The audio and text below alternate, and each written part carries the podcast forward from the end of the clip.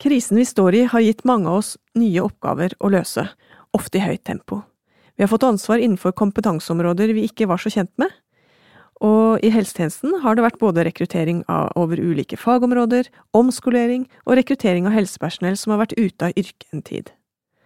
Alle dere som kjenner dere igjen i dette, har mengder av informasjon tilgjengelig fra oss i Helsedirektoratet, fra FHI, fra departement og fra egne ledere.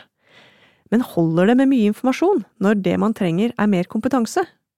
I dag har vi med oss kollega Kari Anette Os, som skal snakke mer om kvalitetsforbedring og kompetanseheving. Jeg heter Helen Brandstorp. Og jeg heter Espen Rostrup Nakstad. Velkommen til Helseaktuelt snakkes med Nakstad.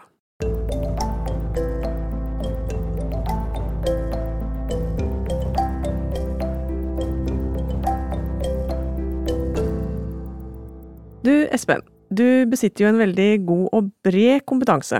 Hvordan har du kommet dit du er i dag sånn kompetansemessig? Det er et godt spørsmål. Det, det, kommer litt av seg selv når man gjør litt forskjellige ting, egentlig. Eh, men jeg må si at det har vært veldig nyttig for meg å jobbe både veldig mange år på sykehus, men også jobbet eh, eh, legevakt og mange andre ting, og drevet med forskning også. så jeg prøver liksom å plukke med meg ting jeg lærer, eh, ikke bare sånn rent faglig, men lærer av andre du jobber med. Det er veldig verdifullt. Så jobber man på et nytt sted, så lærer man noe nytt. Eh, sånn er det ofte. Og så man prøve å ta det med seg. Og, og så finnes det jo ikke noe fasit på hva som er best kompetanse eller riktig kompetanse, men det er ofte lurt å ha mye av det. Det er i hvert fall min erfaring. Er du nysgjerrig? Jeg har blitt mer og mer nysgjerrig med årene, faktisk. Fordi jeg ser at det er nyttig å være nysgjerrig. Eh, og, så det å ha en nysgjerrighet eh, når man gjør ting, det gjør, tror jeg gjør at du lærer mer og kanskje bygger mer kompetanse. Det er i hvert fall sånn eh, hvis man går tilbake til skolehverdag og sånn, så det er klart hvis ikke du syns det er gøy å lære et fag, da blir leksene kjedelige, og da går det dårlig med det faget. Så det er noe med at interesse er viktig for å faktisk kunne, kunne lære av ting. Mm interesse og glede over Yes, nå skjønte jeg det. Jeg tror, jeg tror de, de liksom superekspertene på ulike fagområder, jeg tror det de har felles, det er kanskje ikke at de er så veldig mye mer smarte enn alle andre, men det er det at de har en genuin interesse og syns det er gøy. Mm. Det tror jeg faktisk er kanskje det viktigste. Mm. Vi skal snakke litt om forskjell på informasjon og det å faktisk lære. Vi har vært litt innom det nå med motivasjon og at det kan være litt gøy. Eh, og det vi skal dykke ned i, eh, kan du veldig mye om. Seniorrådgiver i Avdeling for kvalitetsforbedring og pasientsikkerhet her i Helsedirektoratet. Kari Anette Os, velkommen! Tusen takk skal du ha, og takk for invitasjonen til å være med på denne podkasten. Jeg takker alltid ja når jeg kan snakke om viktigheten av å bygge god kompetanse for å trygge tjenestene og sikre god kvalitet for de som bruker helsetjenestene, nemlig pasienter og pårørende og brukere ute i helsetjenesten vår. Så takk for det. Mm. Ja. Så du er også en sånn entusiast? Ja, kan man godt si. Mm, jeg er i hvert fall veldig opptatt av, opptatt av, det. Mange år i helsetjenesten har uh, egentlig bare bekreftet hele tiden at uh, det er egentlig kvaliteten på kompetansen og måten vi klarer å utøve uh, profesjonene våre på, det er det som kan bidra til trygge tjenester for pasientene. Mm. Så det må vi aldri slutte med. Nei. Mm. Det, det, er nok noe man aldri blir ferdig med heller. Altså man, ingen blir utlært, og da blir heller ikke kvaliteten Eh, kommer aldri til et sånt eh, perfekt nivå eh, heller. Vi pleier vel å si det at er du, tror du du er ferdig utlært, så er du egentlig ferdig. Da er du ferdig, ja. Nettopp. Mm. så sånn er det. Mm, ja. Mm -hmm. Denne her pandemien hvor vi har måttet omstille oss, veldig mange av oss har måttet gjøre ting vi egentlig ikke kan. Det, der har du jobbet spesielt med opplæringstiltak, Kari Anette. Og helsetjenesten har jo nærmest vært overstrømmet av gode råd og informasjon og retningslinjer og veiledere. Ehm, men så mener du at det ikke er nok. Informasjon er ikke nok. Kan du si litt om det? Ja, det mangler jo ikke informasjon. Det, det har du helt, helt rett i, Helen. At uh, man er helt overstrømmet, egentlig, av informasjon. Uh, men det å bli informert betyr ikke nødvendigvis at man klarer å beherske og mestre det man skal gjøre på en god måte. Så det er viktig med god informasjon. Det er viktig å være oppdatert og ha tilgang til kvalitetssikret informasjon hele tiden. Men man må liksom omsette den informasjonen til noe som kan bli læring. For læring, det er jo at man endrer atferd. At man begynner å gjøre ting på en ny måte. At man både får mer kunnskap, men at man også jobber med ferdighetene sine, og med holdningene sine til den oppgaven som faktisk skal løses. Så kompetanse er så uendelig mye mer enn informasjon. Vi kommer eh, et godt stykke med informasjon, men vi kommer ikke i mål med læring. Sånn at informasjonen, den kan på en måte si oss at uh, dette skal du kunne, dette skal du gjøre, disse rådene skal du følge, og vi i helsemyndighetene, vi er jo flinke til å si både skal og bør og må i forhold til føringer vi legger til helsetjenesten. Men hvis vi skal finne en måte faktisk å gjøre det på, sånn at det lever, og at det blir implementert, og at det blir læring og god kvalitet, da må vi også bistå tjenestene til å finne ut av og hvordan skal du lære dette? Dette skal du gjøre, og sånn kan du lære det. Det er liksom to ulike dimensjoner, da. Eh, så vi kommer ikke helt i mål med å pøse på med mer informasjon. Vi må på en måte pakke det inn i en pedagogisk innbakning, mm. sånn at det gjør læring tilgjengelig, sånn at de gode rådene lever som faktisk utøvd praksis da, ute i tjenestene. Så det tenker jeg er litt sånn forskjellen på informasjon og læring i den andre enden. Det er liksom to, to ulike sider av samme sak, da. Mm. Nettopp. Mm. Død kunnskap. Ikke ja. sant? Ja. Levende kompetanse, på en måte. Levende, altså anvendt. Ja. Du kan jo ha bokhyllene fulle av gode bøker med uendelig god kunnskap, men det hjelper jo ikke pasientene våre så veldig mye at det står der i hyllene. Det er veldig interessant det du sier, fordi jeg har vært med å skrive en del sånne retningslinjer opp gjennom årene. Eh, og det er ofte veldig gode dokumenter som svarer på alt. Men så når du da senere møter folk som egentlig er eh, midt i målgruppen for de planverkene og retningslinjene, så får du de samme spørsmålene hver gang. Og det, det viser seg at man ikke har lest det. Mm. Sånn at eh, vi har nok en overdreven tro på at alle andre leser det vi skriver mm. av den type informasjon. Mm. Eller annen type informasjon som ikke er skriftlig også. Og folk har ikke tid til det. Folk er travle. Og da tror jeg det du er inne på nå, at man må faktisk tilrettelegge på en måte som gjør at de faktisk evner og har tid til å få det inn. Mm. Og det, min erfaring er i hvert fall at det må være enklere enn du tror. Og så kanskje det sporer til å gå litt mer i dybden. Og da må de ha en enkel tilgang til det, selvsagt. Men, men det er det å få de, liksom de første punktene inn som kanskje er det avgjørende for at det i det hele tatt eh, skal komme til, nytte. da. Du må jo treffe tjenesten med de rådene vi gir. Det er jo liksom første pri for at vi skal ha effekt helt ut mm. på det vi faktisk gir råd om.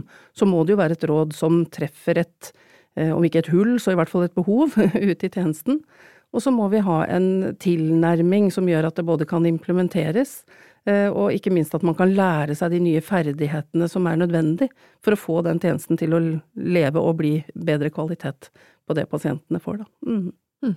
Det som jeg også syns er interessant, er jo at uh, ofte så blir jo sånne prosesser Altså du får i hvert fall mer informasjon ut hvis den er utarbeidet uh, i samarbeid med de som skal bruke det. Uh, for da, da, treffer du ofte lettere. Da, da, får du en bedre forståelse av hva de faktisk kan og ikke kan. Ofte kan de mer enn deg på mange ting, og de har en praktisk erfaring som er, er mye mer operasjonell og operativ enn det man skulle tro noen ganger. Men så er det da, hvis man får det perspektivet inn, så blir ofte Eh, formen på denne kunnskapen eh, bedre tilpassa målgruppen. Så det, det, er også noe som er litt interessant. Og der tror jeg at i Norge så er vi ganske gode. Altså man involverer fagmiljøer stort sett i veldig mye. Det er veldig viktig, men i, i store land så har jeg en følelse av at, eh, at det er en større avstand ofte mellom duerne der ute og byråkratiet, f.eks., eller helsemyndigheter. Og da kan det bli fort, som du sier, mange svære, fine dokumenter som kanskje ikke blir like mye brukt, altså. Mm, ja. Interessant. Vi alle vi som sitter her er vel gamle duer, holdt jeg på å si. Som, Absolutt. ja. mm. så, så, så, what did you do? Altså hvordan eh, Nå i pandemien så har dere gjort mye. Mm. Kan ikke dere fortelle litt om det? Jo, det startet jo egentlig for eh, et år siden, sånn som alt mulig annet startet for ca. et år siden. Eh, og da, da, fikk vi et oppdrag. Vi er et ganske lite prosjekt i Helsedirektoratet, men som har jobbet veldig mye med dette med opplæringsressurser, i tett samarbeid med Folkehelseinstituttet, selvfølgelig, og mange andre aktører også. Men det første oppdraget vi fikk, det var kan dere lage noen opplæringsressurser som sørger for at de bruker smittevernutstyr på riktig måte i sykehjem? Det var jo egentlig et ganske sånn smalt oppdrag, eh, fordi at da sto vi i en situasjon hvor dette begynte å vokse veldig, veldig fort, og vi hadde faktisk en utfordring knyttet til å få tilstrekkelig med smittevernutstyr. Så det var en reell risiko og engstelse for at vi ved å bruke smittevernutstyr feil, ville kassere en del utstyr og komme short på, på utstyret. Sånn at vi måtte sikre at det som ble brukt, ble i hvert fall brukt på riktig måte. Mm. Og da tenkte jeg at ja, det kan vi selvfølgelig gjøre, men det var da veldig lite ambisiøst, liksom. Rett hanskebruk, det, det, var jo relativt smalt. Men det var egentlig der vi begynte. Eh, og, og vi fikk veldig mange gode innspill. Jeg har veldig mange gode kontakter ute i kommunehelsetjenesten, særlig i utviklingssentrene for sykehjem og hjemmetjenester og de hadde god innsikt i hva som det var behov for ute i tjenestene, og de hadde allerede startet arbeidet, ikke sant, med å lage filmer og lage instruksjonsvideoer og den type ting. Så vi laget egentlig ingenting nytt, vi samlet og kvalitetssikret det som var, med god hjelp fra Folkehelseinstituttet, og laget noen enkle opplæringsressurser for at man skulle kunne finne fram i jungelen, rett og slett, og det var det lederne ønsket at vi skulle gjøre da. Ehm, så, så vi fikk mange, mange, gode innspill og var veldig opptatt av at dette skulle svare til de behovene som var der ute. Og så balla det på seg etter hvert. Jeg må bare få kommentere, jeg får tårer i øynene som dere ser. Altså dette er så bra. Ref det du akkurat sa, Espen, om at det er, det er nærhet mellom byråkratiet og tjenestene, sånn at du kunne bare samle inn. Det er helt mm. fantastisk. Og da treffer du jo, og da treffer du på nivået på læringen. Hva er det dere trenger egentlig? Trenger dere en, bare en lenke til noe informasjon? Nei, vi trenger filmer. Fordi at vi rekrutterer nå folk inn fra en tjeneste som ikke er vant til å stå i smitteutfordringer, som jobber kanskje i boliger for psykisk utviklingshemmede hvor man ikke har vært vant til det, som skal nå inn og jobbe i en helt annen kontekst, som aldri kanskje har brukt hansker og munnbind på jobb, som ikke vet hva en smittefrakk er. Eh, og hvordan skal vi på en måte instruere og, og liksom kunne veilede de ansatte, sånn at de føler seg trygge, sånn at de føler at de mestrer, eh, og at de klarer å kommunisere trygghet til de brukerne som mottar tjenesten, da. Så det er jo egentlig veldig komplisert. Det ser enkelt ut, men det er faktisk ganske komplisert. Mm. Dette er jo litt morsomt eh, på en måte også å se tilbake etter årene på hvordan dette samarbeidet da, mellom på en måte ulike forvaltningsnivåer og på kryss og tvers av både kommuner og, og fagmiljøer og alt har blitt mye bedre. Mm. Eh, altså, I helseforvaltningen så tror jeg alle har mye bedre forståelse av hvordan livet faktisk er der ute. Eh, og også eh, ute i kommunene så tror jeg man har en, mer forståelse nå for hva driver egentlig statsforvalteren og byråkratiet med. Sånn at det går begge veier. Og det er på en måte sånn både beredskapsmessig og, og innenfor vanlig helsedrift veldig gunstig. Og kanskje noe av det beste med denne pandemien, av de få tingene som kanskje er positivt med en pandemi, mm. det er ikke så mange av dem, mm. men kanskje dette er noe av det som faktisk vi kan eh, komme ut av på en god måte. At vi forstår systemet bedre alle sammen, og vi samhandler bedre også. Mm. Og integrerer hverandre. Så det, det, er spennende å høre. Og det er, jeg tror som du sier, det er de praktiske tingene Altså det er da man virkelig treffer. Du kunne sikkert lagt like mye ressurser i å skrive fine dokumenter og ting eh, som lå der, og som ingen av disse hadde brukt. Mm. Så det er noe med også ressursbruk oppi dette her. Mm. Ja, det her er kjempebra. Men tilbake til din uh, rolle, da. I Helsedirektoratet som skal på en måte ha en oversikt over hele landet, og, og dere fikk innspill på sykehjem. Men det, dere så vel også andre udekkede behov ifra en sånn nasjonal posisjon, oversiktsposisjon. Det gjorde vi, og vi hadde jo selvfølgelig har hatt hele veien også et unikt samarbeid internt i direktoratet med de ulike avdelingene og divisjonene som kjenner tjenesten på, på veldig forskjellige, forskjellige, måter, så det har vært helt uvurderlig. Eh, også etter hvert som vi liksom begynte å jobbe med disse opplæringsressursene, så så vi jo at det var flere flere udekte behov, og kanskje, eh, kanskje, behov for opplæring hvor ikke det fantes så veldig gode opplæringsressurser som passet da, inn i denne situasjonen. Eh, og sånn, da tok vi tak i de, litt sånn fortløpende egentlig. Sånn i mai så meldte det seg jo et behov for en, en systematisk opplæring av ferievikarer. At ferievikarene ute i kommunehelsetjenesten måtte ha en helt annen type opplæring enn det de vanligvis hadde. Eh, det kom fram et eh, behov i forhold til palliasjon Eh, til pasienter som, eh, som dør av covid-19. Eh, og da hadde vi et veldig godt samarbeid med Aldring og helse, Kompetansetjenesten for aldring og helse, og laget et e-læringskurs på rekordtid i forhold til, forhold til, det. Og samarbeidet med mye gode fagmiljøer for å få kvalitetssikret innholdet i det, da. Eh, så samarbeidet vi med Senter for medisinsk etikk og KS i forhold til dette med etisk refleksjon når alle disse prioriteringsveilederne kom. Så så vi liksom hvordan skal vi liksom, hvordan skal vi faktisk gjøre det når vi setter oss ned ute i praksis og skal gjøre denne prioriteringen? Hvordan skal vi gjennomføre den etiske refleksjonen som faktisk må gjøres da, for å, for å treffe ganske vanskelige beslutninger noen ganger? Og så krever jo også pasienter med covid-19 at man har god observasjonskompetanse. Man må skjønne hva man ser for å kunne agere i tide, sånn at man eh, har, ivaretar pasientsikkerheten, da, og skjønner seg på de kliniske tegnene som, som de pasientene har. Eh, så da tok vi tak i det som allerede eksisterer av gode gode opplæringstiltak i forhold til observasjonskompetanse, og så tilpasset vi de til, til, situasjonen, egentlig. Da produserte vi ikke så veldig mye nytt, men vi hadde veldig tett samarbeid med de miljøene i utviklingssentrene eh, spesielt, som hadde laget et opplæringskonsept, og de snudde seg veldig, veldig fort og tilpasset det til, til covid-situasjonen. Eh, og så ble det lansert eh, før, før sommerferien, det også. Så, så det, var, det, var, mange områder, men det var veldig mye vi bare kunne egentlig tvike litt på, eh, mm. som, som, lå der allerede. Eh, og det var jo veldig inspirerende, da, å se at, at, vi har mye, men vi trenger bare å rydde i det og, og tilpasse det til den konteksten vi står i. Mm. Ja. Mm. Det, det, er ganske god bredde dere har vært innom mye og jobba med mange. Litt mm. sånn dugnad-feeling på det her òg? Absolutt, absolutt. Mm, mm. det har det. Mm. Men så kom jo sommerferien, og da kom jo, se på deg, Espen, da kom jo TISK for fullt I, i, løpet av, i, løpet av, sommerferien. Og det, det, ja, det satte liksom inn et nytt gir, opplevde jeg, i forhold til behovet for kompetanse ute i kommunehelsetjenesten. Mm. Ja da, nei, det, du vet, dette TISK det fikk vel kanskje navnet sitt på forsommeren. Det var jo Geir Stender Larsen sin idé å kalle det det. Mm. Men, eh, men, det ble jo egentlig jobbet med dette med analysekapasitet og sånn veldig tidlig. Og, men det som har vært interessant med det, er jo å se den enorme eh, kapasitetsøkningen man har hatt ute i kommunene, som jo krever kompetanse. For du trenger ikke bare folk, du trenger folk som kan ta disse prøvene på riktig måte, som kan registrere dette elektronisk, som kan drive smittesporing. Og kommunene har jo fått et lokalt beredskapsapparat som er mye, mye sterkere enn det det var før.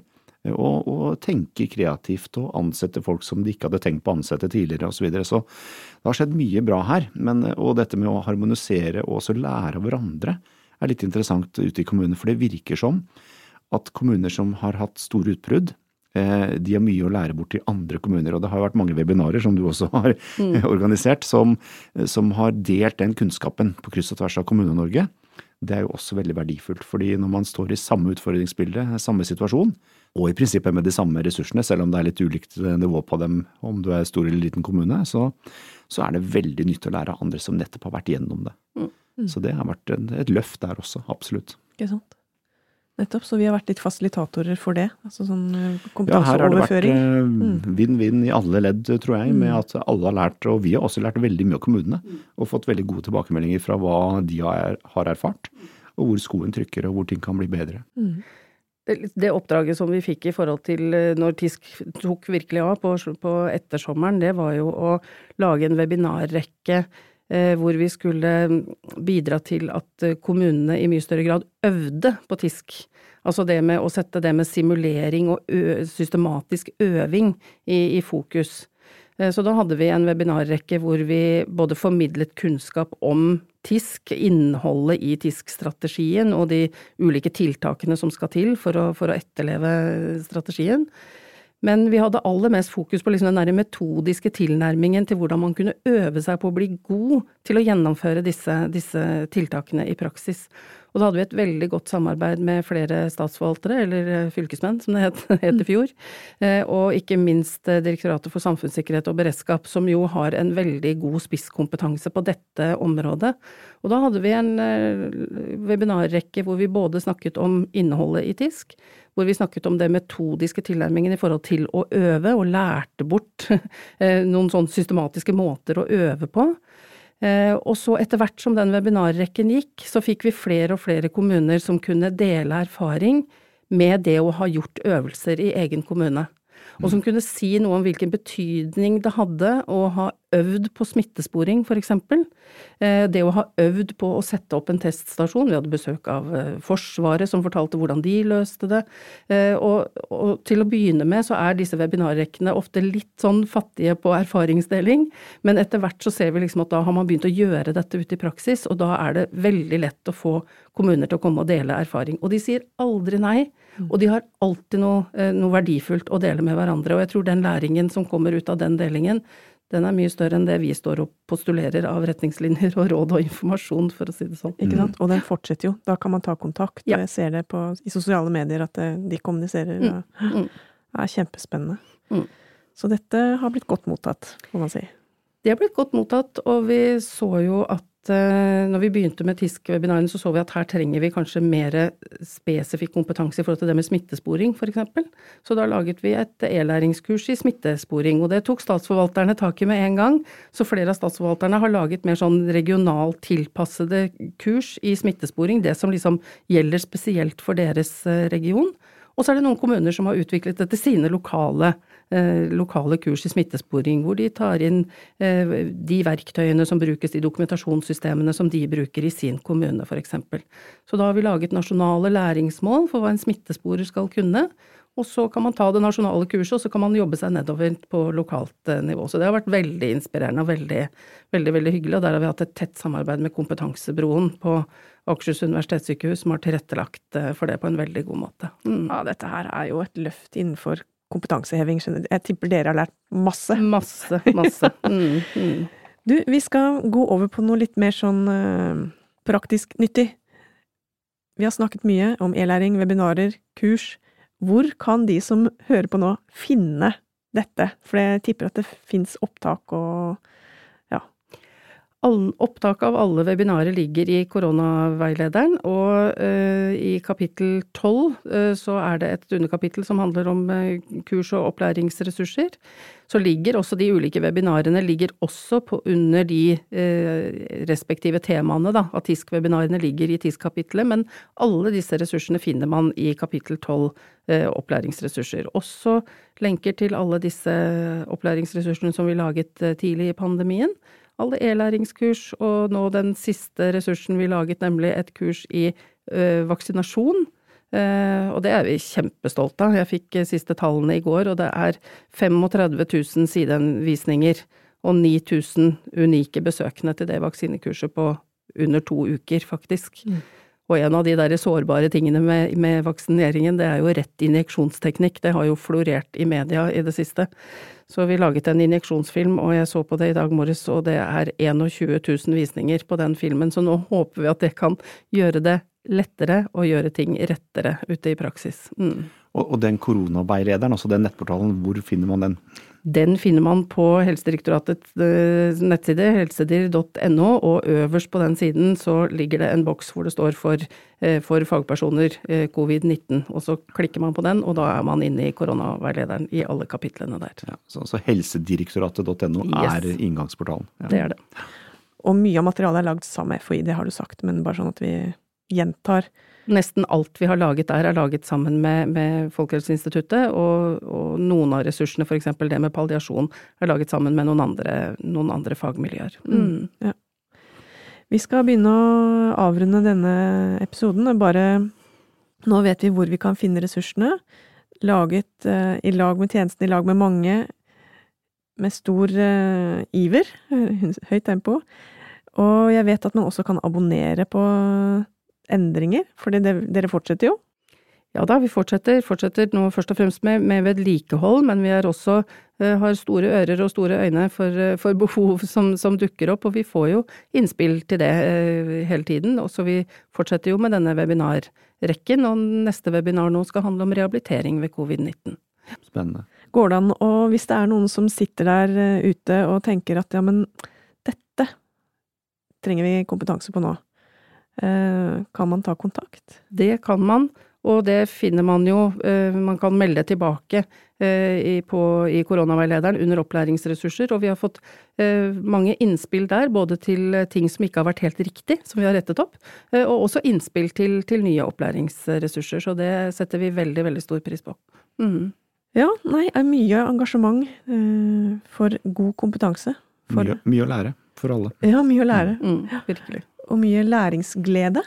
Det er det. Jeg tror folk ser nytten av dette, og jeg tror de som står ute i kommunen nå og skal vaksinere, er kjempeglad for å få sånne instruksjonsvideoer. og Dette har jo med pasientsikkerhet å gjøre også, ikke sant? At man setter en vaksine på riktig måte.